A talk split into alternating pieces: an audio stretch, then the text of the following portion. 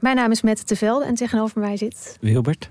En ik heb vrij veel last gehad van neerslachtigheid, eigenlijk nog steeds wel in het leven. En depressies. En volgens mij gaan we dat proberen op te lossen. We gaan jou redden. En de rest van de mensen. En de toch? rest van de mensen. Ja. Wie redt Wilbert? Dat is de vraag. Wie helpt hem bij de kwesties en problemen van vandaag? Luister naar Wie redt Wilbert en de rest van de mensheid.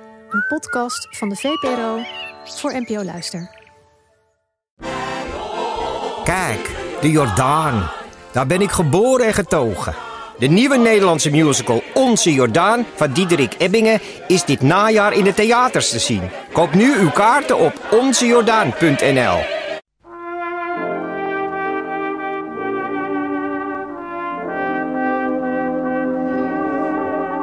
Hallo, vanaf de redactie van de Groene Amsterdammer is dit uw wekelijkse podcast.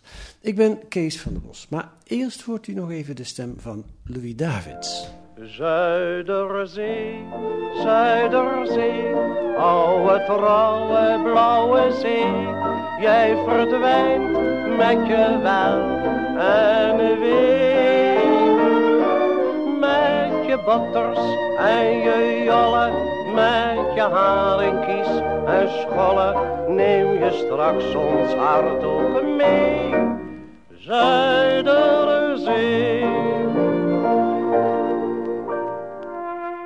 Eva Vriend is opgegroeid in de jongste provincie van Nederland, Flevoland. Om precies te zijn, de Noordoostpolder. Zeg ik het nog goed, Eva? Ja, de Noordoostpolder is een gemeente in de provincie Flevoland. Zo is het. Eh, dat is een deel van Flevoland dus. En Eva Vriend is historicus, schrijver en journalist. En deze week schrijft ze in De Groene en doet ze een poging om de identiteit van de bewoners van Flevoland te onderzoeken. Bestaat die identiteit? En zo ja, wat is het dan? Welkom in de podcast, Eva. Dankjewel, Kees. Nou, maar meteen eh, eh, midden erin springen. Wat is jouw identiteit?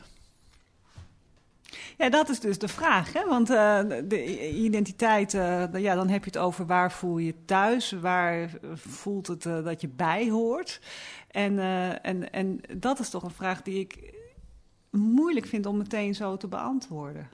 Ehm, ik denk dat de Noordoostpolder eh, het meest in de buurt komt. Als mensen mij vragen waar ik vandaan kom en waar ik me thuis voel, ehm, waar ik me mee identificeer, is dat denk ik, eh, los van het feit dat ik natuurlijk Nederlander ben, eh, Ja. is dat de Noordoostpolder. Ja, ja. Want je schrijft zelf in je stuk, de meeste Nederlanders, als ze gevraagd worden naar een identiteit, die noemen een regio. Ja, ja Eh, dus daar doe ik nu aan mee. Ja, ja. Maar je aarzelt. Ja, wat het ingewikkelde is, is dat ehm, Flevoland, eh, dus de provincie waar ik vandaan kom, niet een provincie is die je associeert met een plek waar je thuis voelt. En, en dat, dat heb ik dus ook niet. Waarom niet?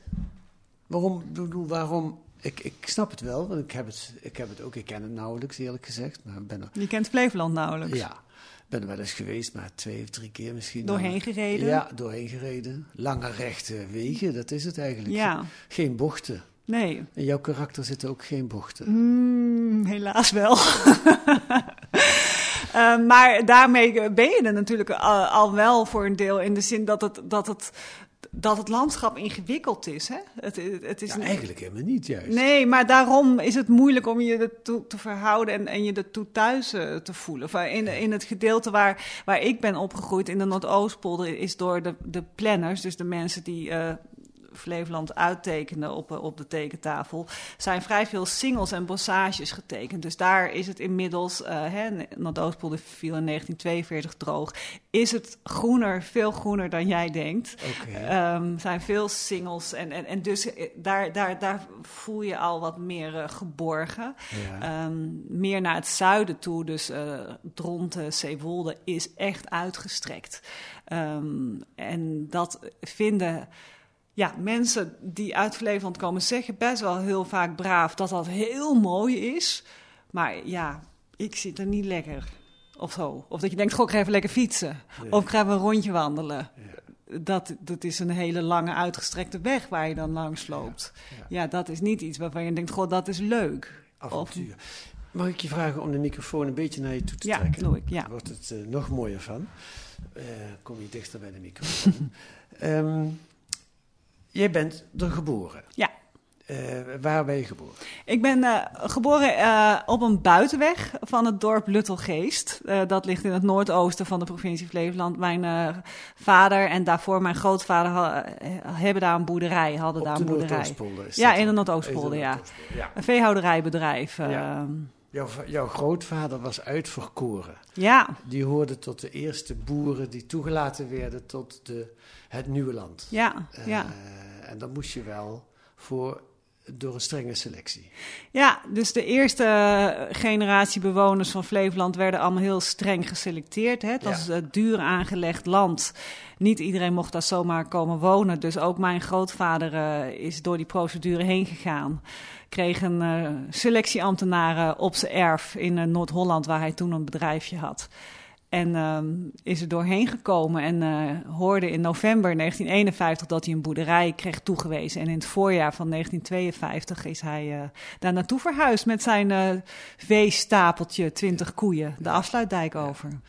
Maar eh, om weer weer terug te gaan naar de identiteit. Mhm. Wat je dus hebt, die Noordoostpolder, die is niet gegroeid, als het ware, maar die is, die is bedacht. Ja, Zou dat, eh, is dat het? Het heeft eigenlijk maar een hele korte geschiedenis. Alhoewel, je hebt er prachtige boeken over geschreven. Ja, het is een heel bewogen geschiedenis. Ook ja ik, ik doe mijn best. Eh, ja, heeft het, het, het, het, het- dat er nog een gebrekkige identiteit is, heeft het, komt dat mede doordat het zo bedacht is? Ehm, de mensen die eh, naar de Noordoostpolder toe kwamen, hadden allemaal een heel duidelijk doel voor ogen. Het was heel erg functioneel. Dus ze kwamen naar de polder om daar een nieuw bestaan op te bouwen. Dus ze waren heel erg doelgericht, praktisch met hun bedrijf en met hun toekomst bezig. Ehm, waardoor ze eh, niet meteen echt een band kregen met, met dat gebied, behalve dan eh, dat ze daar ja, een goed bedrijf wilden Ja. opbouwen. Ze lieten eigenlijk hun verleden achter zich. Ja, In jouw geval, jouw opa kwam uit West-Friesland. ja. Ja. Ja, maar dus het was dus als hij, als, als, als mijn grootouders en, en ook wel de generatie daarna het over het, het thuis hadden, of, of de- waar kom je vandaan, zeiden ze niet ik kom uit de uit Flevoland of uit de polder, uit de Flevopolder, maar dan zeiden ze ik kom uit West-Friesland. Dus mijn grootouders spraken ook nog het West-Friese eh, dialect, maar dat gold ook voor de Brabanders en de Groningers en de Friesen. Die, die, die, die eerste generatie was natuurlijk, eh, ja, qua identiteit voelden zij zich nog verbonden met hun, met hun, ja, hun land van herkomst, zou je bijna zeggen. Hun provincie, hun regio van herkomst. Die sfeer van het begin, eh, die wordt ook opgeroepen in een eh, aflevering van Andere Tijden in 2013. Gemaakt volgens mij naar aanleiding van een boek Ja. dat jij geschreven had hè, over het nieuwe land. En daar zit, hier zit ook een, eh, aan het eind een selectieambtenaar in. Laten we een stukje luisteren. Als de boer al verscheidene selecties is gepasseerd, wordt nagegaan of hij de kwaliteiten bezit die hem geschikt maken voor de nieuwe omstandigheden. Het streven is immers om de Zuiderzeepolders te bevolken met boeren die hun vak ten volle verstaan en liefde hebben voor hun bedrijf. Men bezoekt hem thuis op zijn boerderij, bekijkt zijn administratie, beoordeelt zijn vee en de toestand van het land. dan zie je al gauw, als je zo'n erf oprijdt, of het echt een verlaten zootje is, om die term maar te gebruiken, met oude roestige machines en alles buiten en, eh, en een hoop troep en rotzooi en niet onderhouden eh, gebouwen enzovoort enzovoort. Geeft wel een beetje een indruk.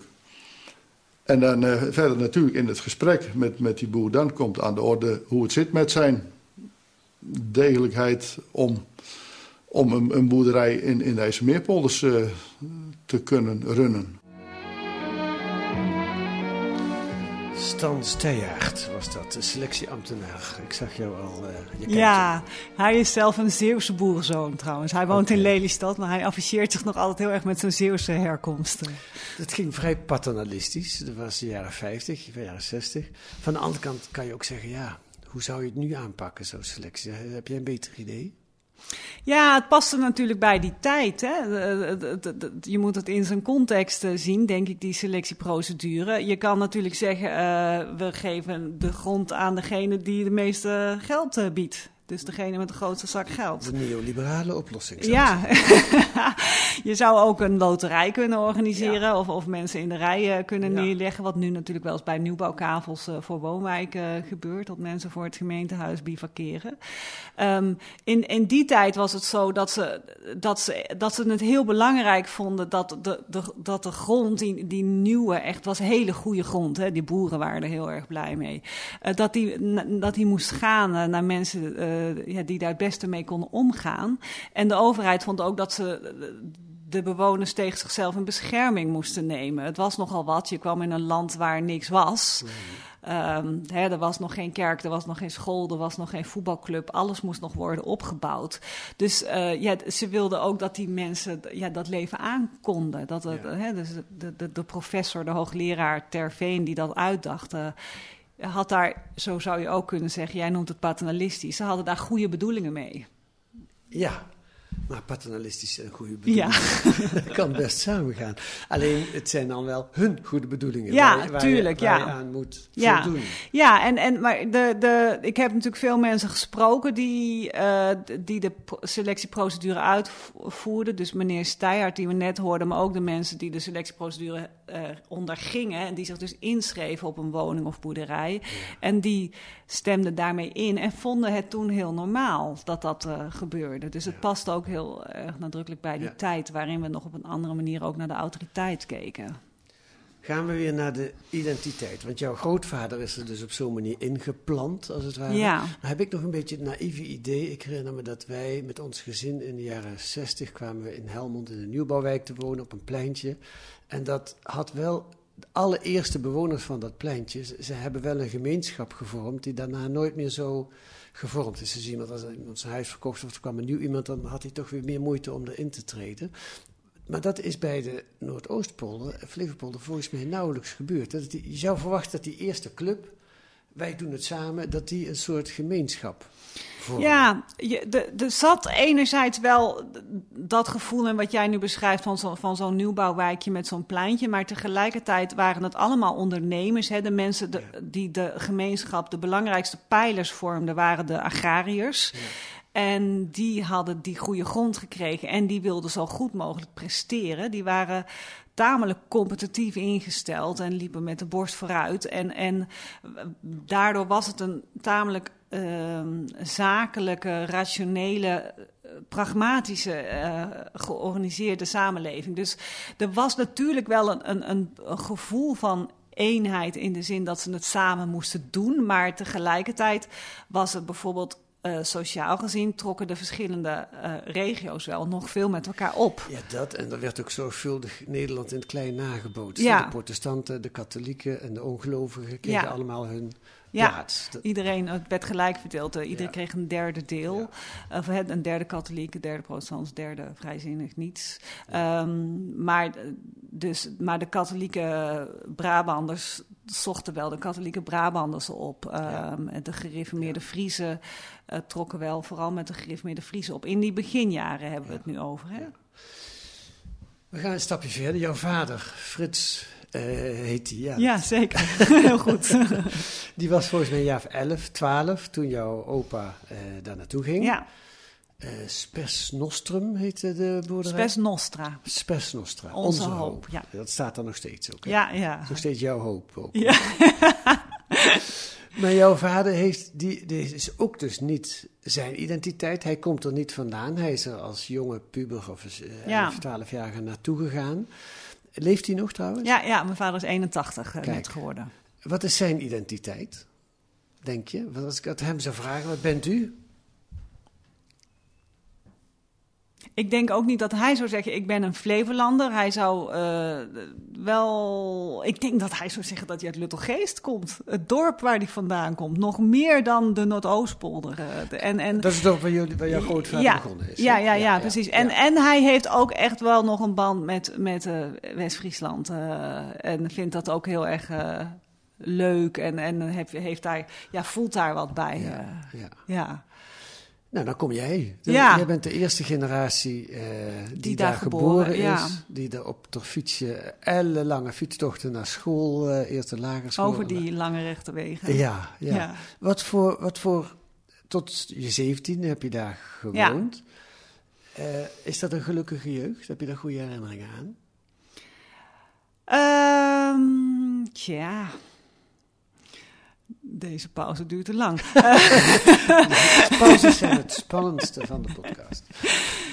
Ja, weet je, het, het- ik had, ik voelde me op die boerderij en, en dat leven daar, dat, dat was voor een kind wel echt heel erg fijn. Je was een echte boerendochter. Ja. Met koeien mee het land op. Precies, en ik had een geitje, Jetje, daar zorgde ik voor. Daar was ik enorm aan verknocht. Eh, ik speelde veel buiten. Mijn, we hadden oude fietsen die we ombouwden tot crossfietsen. Hadden overal hutten en een hooizolder waar we op, in de winter heel erg veel op speelden. Dus voor een kind was dat heel erg fantastisch. Toen, eh, dus dit is eigenlijk meer de basisschooltijd. Toen ik wat ouder werd en naar de middelbare school ging... en vooral toen ik in de, ou, in de hogere klasse kwam... toen werd het wel wat zoeken allemaal. Dat was natuurlijk sowieso, ik bedoel, dan ben je een puber... dan leven is sowieso niet leuk als je een puber bent. Eh, maar in de polder vond ik... ja, ik vond dat wel moeilijk, ja. Voor het saai. Ik denk dat het op een bepaalde manier saai was. Ik denk wel dat er heel veel eh, jeugd ook in de polder is die, die zeggen... maar je kon toch heel veel bier drinken... en in allerlei feesten en keten dat allemaal doen. Maar ik, eh, ja, ik had daar wel, was daar wel wat meer zoekend in, eh, vrees ik, ja. Ik, was, ik vond dat... Ja, ik was dus een van de weinigen bij mij aan de weg... die naar de middelbare school ging in Emmeloord. Dus dat was de grote plaats in het midden. Dus oh, dat ik, was al een beetje uitzonderlijk. Nou ja, dat was. Ik, fiets, ik zat dan op een gegeven moment op het VWO. Dus ik fietste 16 kilometer daarheen. En, en ik fietste gewoon best wel vaak alleen. Ja, dus dat was, was dat leuk. Nee, dat was natuurlijk gewoon niet leuk. Ik had wel een Walkman met bandjes. Als de batterij leeg was. Nou, dat, dat dramatische dagen als de batterij van de Walkman leeg was. Maar dat, nee, dat was, dat was toch niet meteen heel erg leuk. Nee. Nee. En je was ook niet met veel kinderen samen op dat VWO vanuit jou, vanuit het, het Nee, orkest? dat was. eh, nee, Nee. nee, dat was. eh, Oké, dan haal je dat VWO en Ja. dan denk je, hoe kom ik hier zo snel mogelijk weg? Stel ik me zo voor. Ja, dat soort van, ja, zeker. Ja, En dan ga je studeren in Groningen. ja. Studeren, eh, dat is eigenlijk, dat moet je dan thuis uitleggen, dat is niet helemaal normaal dat je dat gaat doen. Nou, dat was op zich wel normaal. Zeker wel normaal dat ik ging studeren. Ik had natuurlijk ook het VWO gedaan. Het was wel dat. eh, ehm, ik ging, eh, had besloten. Ik was naar een open dag geweest. En had toen een hoogleraar gehoord die, vertel, die over het vak geschiedenis vertelde. Toen had ik besloten dat ik geschiedenis ging studeren. En dat eh, kreeg ik wel wat reacties op ja, in de omgeving. Van wat ooms en tantes. Vooral uit de ooms en tantes uit de polder zelf. Die niet zo goed begrepen wat daar nou het nut van was. Wat moet je nou met geschiedenis? Ja, Ja. ja. Heeft het, de, de- psychologisch gezien, is, is het een stap heel makkelijk om te denken, juist omdat je geen geschiedenis had, of ben je Ja, het gaan studeren? Heeft, denk je dat dat ook... Of Nou, dat- toen ik eh 17 was, dacht ik dat absoluut niet. eh. ik weet wel dus dat ik naar die open dag ging... en dat toen de hoogleraar zei... we beginnen in de oudheid in de Propenduizen. Daarna hebben we middeleeuwen, nieuwe, nieuwste... en dan, dan kom je langzamerhand bij eigen Bij tijdgeschiedenis. Luttelgeest kom je dan uit. Ik dacht, wauw, dan, dan begrijp ik de wereld aan het eind van de studie. Dat is wel een soort van naïviteit die ik, die ik toen dacht... als we bij de oudheid beginnen. En ik, ik had daar natuurlijk wel op de een of andere manier... een, al onbewust een behoefte aan. eh. maar heb me dus nooit... eh, ja, omdat we daar bij die oudheid begonnen... en er waren natuurlijk ook veel internationale vakken... eh, nooit gedacht dat, dat, dat, dat Flevoland ook een geschiedenis had... of dat daar ook een, een, een verhaal over te vertellen viel... Ja, ja, in de oudheid nog niet. Hè? Nee, nou ja, ja. Nou, je had de Zwifterbandcultuur, maar dat, is, eh, dat was wel heel ver weg. En daar, Ja. waren, ja, Ja. daar was nog niet veel onderzoek naar gedaan in de jaren negentig toen ik ging studeren. Wat ik zo grappig vind, laten we een grote stap maken, Ja. tenzij jij het anders wil doen. Dan ga je op een gegeven moment wel weer terug. Want je woont nu weer in de Noordoostpolder. toch? Ja, ja. W- Wanneer ben je teruggegaan en waarom? Ehm, ik ben, even kijken, eh, nu 47, eh, het begin 30 eh, Ja. ben ik teruggegaan. Ehm, eigenlijk in, in, de- in de levensfase dat ik vond dat ik ergens moest neerstrijken en op de een of andere manier wortel moest schieten. Ja, en dat moest niet Groningen worden. Nee, nou, toen, ik woonde toen, al- ik was toen al van na mijn studie overal nergens geweest. Ehm, en dacht toen dat het. mijn familie woonde daar nog, mijn broer en zus. En ik eh, ja, ik dacht gewoon dat dat een logische stap was om eh, dat dat dan de plek zou zijn waar ik me thuis zou gaan voelen. Dat, ja. Ja, ik vind het wel bijzonder. Want Ja, je bent er ik eigenlijk. want je bent er op een bepaalde manier ook van weggevlucht. Ja, nou ja, ja, ja. Ja, ik ben wel vertrokken, ja. Ja, ja. En, en, en, en kun je uitleggen wat, wat. Want dat, daar zit misschien iets van identiteit. Wat is het dan wat je terugtrekt? Ja, dat is toch denk ik iets van, het, van, van, je jeugd, van mijn jeugd en van het vertrouwen dat ik daar heb ge- gekregen of gevonden. Dat, dat ik daarvan iets hoopte terug te vinden of te krijgen of te voelen. Ik heb inmiddels zelf kinderen en wilde misschien daar iets van... eh, dacht, nou, dat is, dan is de polder een goede plek. Ik denk dat dat er onbewust wel heeft meegespeeld. Waar- waarbij ik, en, nou ja, ik heb een enorm diepe haat-liefde verhouding met, met het gebied. Dus ik, ik denk nu wel, maar goed, dit wordt een soort therapeutisch gesprek. Ik denk nu alweer, ze moeten weer, als die kinderen straks van school zijn, gaan we weer ergens anders wonen. Oh, Dan denk ik misschien, soms zitten thuis wel eens te dr- dagdromen over dat we dan de polder misschien toch weer uit moeten. Dus het is echt een haat-liefde verhouding. Ik ben echt jaloers op mensen die dan denken, die geboren en getogen zijn in whatever, Amsterdam en daar nooit meer weg willen. Dat, dat, dat is dat, dat, dat een gevoel, of mensen die echt heel erg verknocht zijn aan het gebied waar ze vandaan komen. Ja. Of waar ze wonen, of zich thuis voelen en iedereen kennen. En eh, ja, dat, is een, eh, dat zou ik echt heel fijn vinden. ja. Ja, want het bijzondere is, jij hebt van de nood een deugd gemaakt, zou je kunnen zeggen. Je bent eh, historica geworden, journalist. Je hebt prachtige boeken geschreven over de totstandkoming van de Noordoostpolder. Je laatste boek van vorig jaar gaat over, ja, je zou kunnen zeggen, de verliezers, de omliggende Ja. dorpen.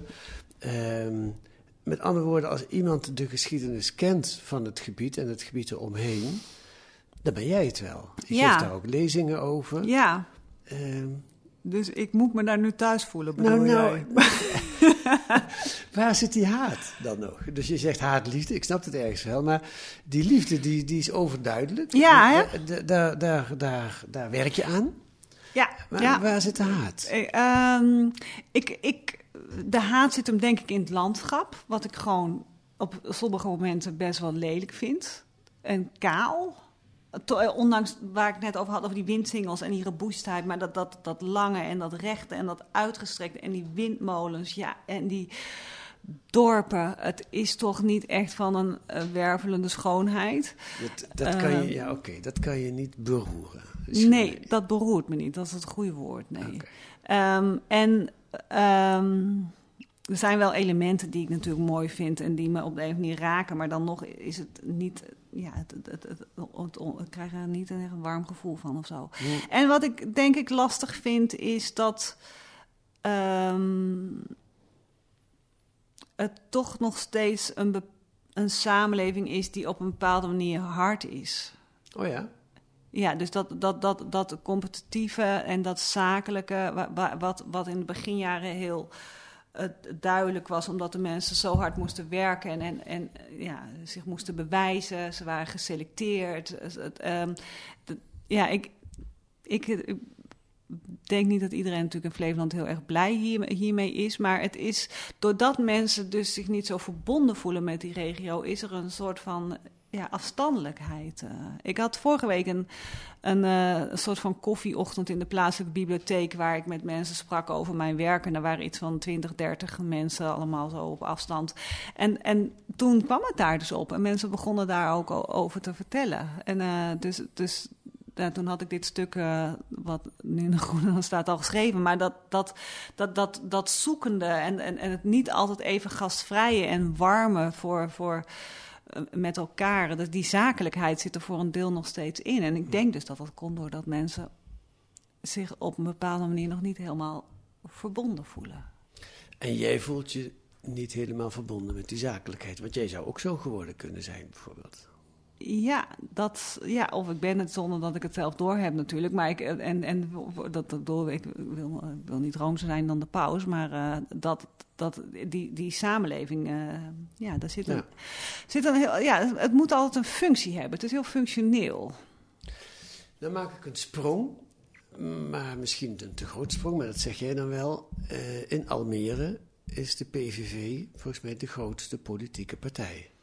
Terwijl er, Ja, nou, of Forum, ja. ja, terwijl er nauwelijks buitenlanders wonen. Of In? Almere wel. Hè? Almere is, eh, hebben 160 eh, verschillende eh, nationaliteiten, eh, landen van herkomst. Dus Almere is een enorm multiculturele, multiculturele samenleving. Maar op de een of andere manier wordt daar dus heel rechts gestemd. Ja. Ja. ja. Eh, maak die sprong eens met mij. Heeft dat een verband met die identiteit, met die cultuur, of heb je geen idee? Ja, ik, ik kan het natuurlijk niet eh, keihard staven, maar het, het, het is natuurlijk eh, logisch dat, dat zo'n jonge gemeenschap, waar mensen ook heel makkelijk van, dat is trouwens in Emmeloord ook zo, dat, dat ze dan van wijk naar wijk verhuizen. Hè? Want er komt dan telkens natuurlijk een nieuwbouwwijk bij en mensen groeien dan omdat ze een groter huis hebben of omdat ze dan weer meer hypotheek kunnen krijgen. Dus dan, dan, dan verhuizen ze heel makkelijk naar de volgende wijk of de volgende buurt. Dus nou ja, dat, dat, die, die hechtheid dat ze vergroeid zijn met een wijkje of met een buurtje, dat, dat is er veel minder. Dus je zou natuurlijk kunnen denken dat, dat als je je wat zoekend bent en weinig houvast hebt, dat je, dat, dat je dan misschien eh, sneller op een, een meer rechtse partij eh, gaat stemmen, omdat die dan die angst eh, en je zoekende wegneemt. Ja.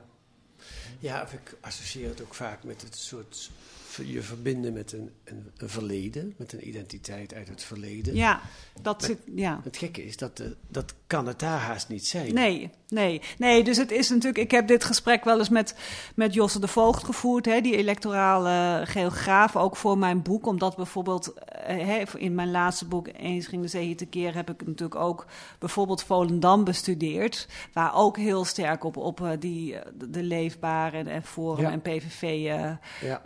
Wordt gestemd. En daar komt het ook eh, van ja, wantrouwen richting de overheid. eh, de- de- veel ondernemers. eh, en juist een heel, hele sterke band met het verleden. Dus, dus het kan natuurlijk verschillende oorzaken hebben. Ja. Maar bij Almere heeft dat... dat dat, ja, dat los zand, wat het voor een deel nog is, die gemeente, heeft dat er natuurlijk wel mee te maken. Goed, Flevoland, de jongste provincie in Nederland, bestaat deze zomer 35 jaar. En dat viert de Groene met een prachtig artikel van Eva Vriend. We hebben het er nauwelijks over gehad, over het artikel, maar ik hoop dat mensen wel nieuwsgierig zijn geworden door dit gesprek. Dankjewel, Eva. Dank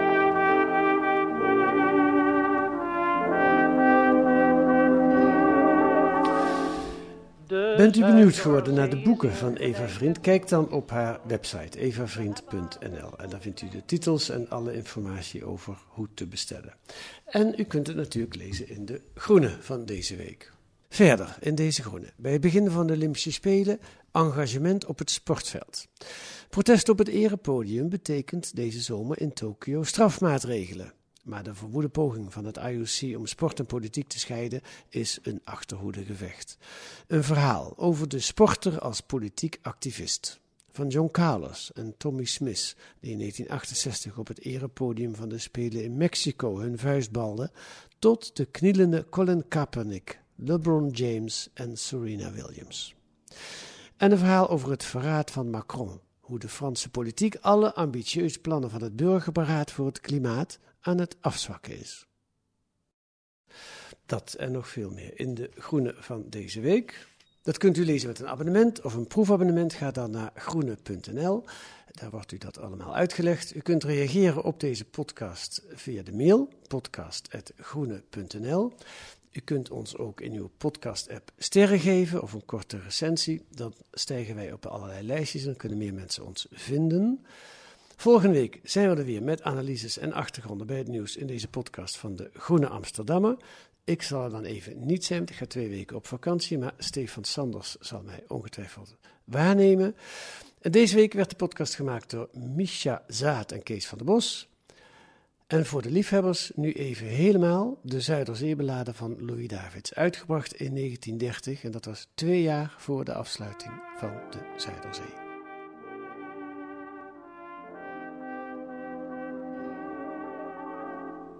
De Zuiderzee is ingedijkt en spoedig is ze droog. Ze hebben haar tenslotte klein gekregen. Waar eens de ranke vissersscheepjes zeilden op den wind, daar rammelt straks het vorkje langs de wegen.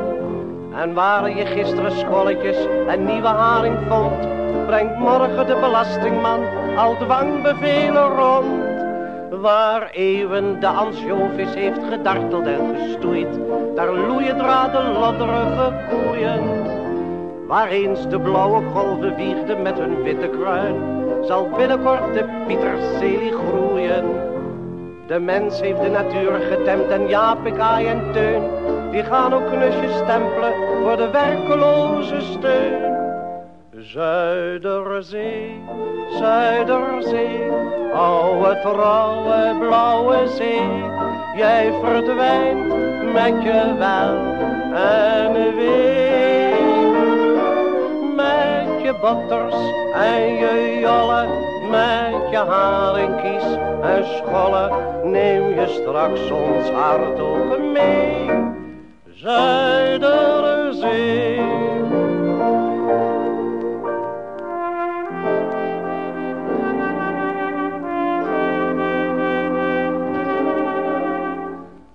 Het zeemansgraf gaat dicht, geen scheepje zal er meer vergaan.